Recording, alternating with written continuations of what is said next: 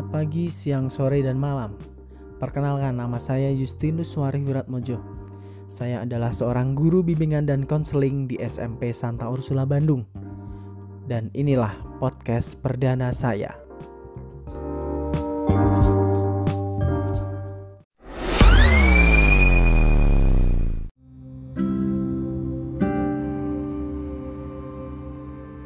Podcast ini saya buat untuk memberikan contoh bagaimana menyusun sebuah podcast yang inspiratif pada para siswa saya yang tergabung dalam kelompok pembelajaran jarak jauh, peminatan bimbingan dan konseling. Nah, materi yang akan saya bicarakan dalam podcast ini adalah sosok inspirator saya sendiri, sosok motivator saya dalam dunia pendidikan. Beliau juga dinobatkan sebagai Bapak Pendidikan Indonesia. Hayo, siapa ada yang tahu? Apakah ada yang tahu? Nah, saya akan menceritakan sebuah biografi, sebuah karya, dan pengabdian-pengabdian beliau dalam dunia pendidikan di Indonesia. Oke, langsung saja. Pertama yang akan saya ceritakan adalah biografinya. Sumber yang saya pakai ini adalah dari Wikipedia Indonesia dengan pengubahan-pengubahan yang seperlunya. Raden Mas Suwardi Suryaningrat itu nama timurnya. Dan sejak 1922 beliau berganti nama menjadi Ki Hajar Dewantara. Beberapa menuliskan bunyi bahasa Jawanya. Ki Hajar Dewantoro. Beliau lahir di Pakualaman di sekitar daerah istimewa Yogyakarta tanggal 2 Mei tahun 1889 dan meninggal juga di Yogyakarta pada tanggal 26 April 1956 pada usianya yang ke-69 tahun. Ki Hajar Dewantoro adalah seorang aktivis pergerakan kemerdekaan Indonesia, kolumnis, politisi, dan pelopor pendidikan bagi kaum pribumi Indonesia dari zaman penjajahan Belanda.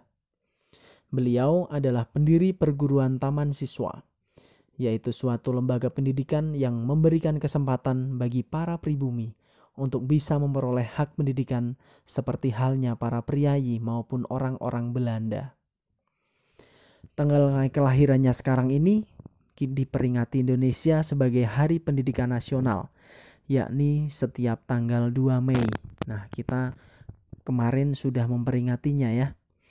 Nah, bagian dari semboyan ciptaannya yaitu Tuturi Handayani menjadi slogan Kementerian Pendidikan Nasional Indonesia.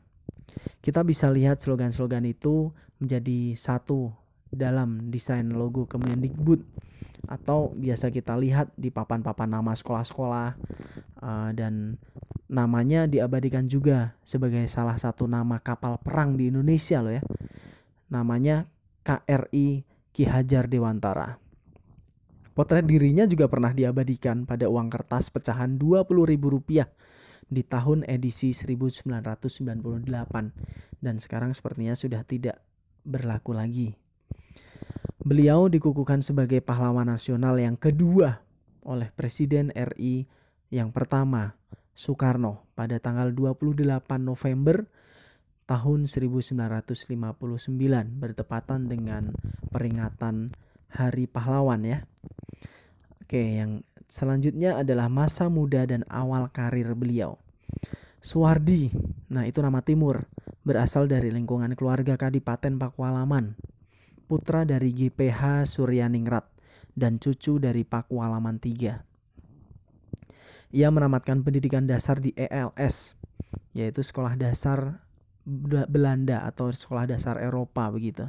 Terus kemudian sempat melanjut ke Stovia yaitu sekolah dokter Bumi Putra. Tapi beliau nggak sampai tamat karena sakit. Kemudian beliau bekerja sebagai penulis dan wartawan di beberapa surat kabar, antara lain Sudiotomo, Miden Java, The Express, Utusan India, Kaum Muda, Cahaya Timur, dan Pusara. Nah, pada masanya uh, beliau tergolong penulis yang sangat handal. Tulisan-tulisannya komunikatif dan tajam dengan semangat anti kolonial. Oke, kemudian saya akan menceritakan tentang Ki Hajar Dewantara mendirikan Taman Siswa. Suwardi kembali ke Indonesia pada bulan September 1919. Segera kemudian beliau bergabung dengan sekolah binaan saudaranya. Pengalaman mengajar ini kemudian digunakannya untuk mengembangkan konsep mengajar bagi sekolah yang beliau dirikan pada tanggal 3 Juli 1922, yaitu National Oderwich Institute Taman Siswa atau dalam bahasa Indonesianya Perguruan Nasional Taman Siswa. Saat itu beliau genap berusia 40 tahun menurut hitungan penanggalan Jawa. Beliau mengganti namanya menjadi Ki Hajar Dewantoro. Beliau tidak lagi menggunakan gelar kebangsawanannya, kebangsawanannya, waduh belibet ya, di depan namanya. Hal ini dimaksudkan supaya beliau dapat bebas dekat dengan masyarakat baik secara fisik maupun jiwa. Semboyan dalam sistem pendidikan yang dipakainya kini sangat terkenal di kayangan pendidikan Indonesia. Secara utuh, semboyan itu dalam bahasa Jawa berbunyi begini. Engar sosung tulodo, ing madyo mangun karso, tutwuri handayani. Dalam bahasa Indonesianya artinya begini. Di depan memberi contoh, di tengah memberi semangat, di belakang memberi dorongan. Semboyan ini masih tetap dipakai dalam dunia pendidikan rakyat Indonesia, terlebih di sekolah-sekolah perguruan taman siswa. Dan semboyan ini pula yang semakin menguatkan panggilan saya untuk menjadi seorang pendidik. Oke, Ki Hajar Dewantara dan pengabdiannya pada masa Indonesia merdeka. Dalam kabinet pertama Republik Indonesia, Ki Hajar Dewantara diangkat menjadi Menteri Pengajaran Indonesia. Posnya disebut sebagai Menteri Pendidikan begitu. Menteri Pendidikan Pengajaran dan Kebudayaan kalau dulu. Kalau sekarang cuman Menteri Pendidikan begitu ya. Yang pertama, beliau yang pertama loh ya, menjadi Menteri Pendidikan yang pertama. Pada tahun 1957, beliau mendengar, mendapat gelar Doktor Kehormatan atau Doktor honoris causa dari universitas tertua Indonesia, yaitu Universitas Gajah Mada yang ada di Jogja. Atas jasa-jasanya beliau dalam merintis pendidikan umum, beliau dinyatakan sebagai Bapak Pendidikan Indonesia, Bapak Pendidikan Nasional Indonesia. Dan hari kelahirannya pun dijadikan Hari Pendidikan Nasional berdasarkan surat keputusan Presiden Republik Indonesia tahun 3 uh, eh, tahun 1959. Begitu. Uh, beliau meninggal dunia di Yogyakarta pada tanggal 26 April 1959 dan dimakamkan di Taman Wijaya Brata di sebuah tempat di dekat Taman Siswa sana uh, sebelah timur Malioboro kalau kalian tahu ada taman makam pahlawan di sana. Oke, itu tadi biografi dan pengabdian beliau selama hidupnya. Tentu saja saya pertama tahu tokoh tersebut ketika saya sekolah dulu. Ya 15 sampai 20 tahun lalu lah ketika saya duduk di bangku sekolah dasar. Para guru saya tuh selalu menceritakan tentang beliau. Terlebih tiap kali upacara bendera memperingati Hari Pendidikan Nasional, amanat upacara dari pembina upacara pasti menceritakan sosok Ki Hajar Dewantoro. Ditambah lagi keluarga besar saya, mulai dari Simbah Kakung, bapak, ibu saya adalah seorang guru. Beliau-beliau ini juga yang sering mengondongengin saya tentang Ki Hajar Dewantoro kalau saya mau tidur. Nah, dari pengalaman-pengalaman tersebut muncullah keinginan saya untuk mencari tahu lebih lanjut tentang Ki Hajar Dewantoro dan mulai ngefans gitulah sampai saat ini. Tentang sosok di balik kesuksesan beliau, saya kurang memiliki data yang valid. Saya berpikir tentunya sosok di balik kesuksesan Ki Hajar Dewantoro adalah keluarganya sendiri. Selain itu ada pula para sahabatnya, yakni Dowes Dekker dan Bapak Cipto Mangunkusumo, sang pendiri Indis Party. Hal-hal yang menginspirasi saya dari tokoh Ki Hajar Dewantoro adalah beliau sosok yang kuat, sosok pejuang dan patriot pendidikan. Beliau memperjuangkan hak-hak rakyat Indonesia dalam hal pendidikan khususnya. Beliau adalah keturunan Ningrat. Beliau adalah keturunan Ningrat Akan tetapi beliau berani meninggalkan nama besar bangsawannya tersebut supaya lebih bisa menyatu dengan rakyat, baik secara fisik maupun secara jiwa.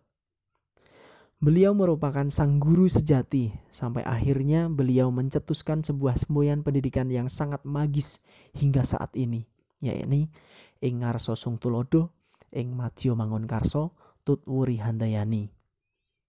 Kalau dalam bahasa Indonesianya, di depan memberi contoh, di tengah memberi semangat, di belakang memberi dorongan. Nah, kalimat inilah yang sebaiknya kita semua harus wujudkan dalam kehidupan kita Kalimat ini saya rasa nggak hanya berlaku untuk guru saja, tapi semboyan ini sepertinya relate dengan seluruh manusia yang hidup. Prinsip-prinsip tersebut harus menjadi pegangan hidup untuk selalu rendah hati.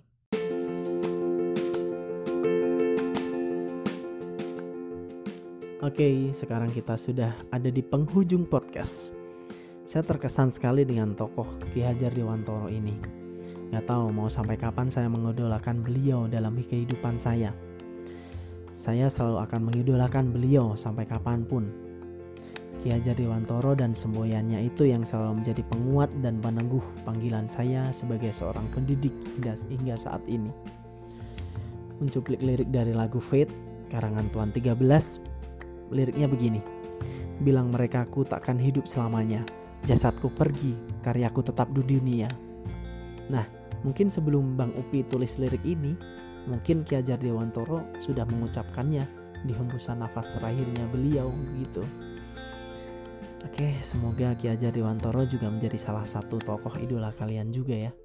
Atau setidaknya dengan podcast ini kalian dengar saya dari awal sampai akhir tadi atau kalian saat ini punya trigger yang menancap di hati kalian Mohon maaf ya atas segala kesalahan ucapan atau yang lain sebagainya. Saya akan perbaiki di episode berikutnya. Oke, terima kasih sudah mendengarkan. Sampai jumpa.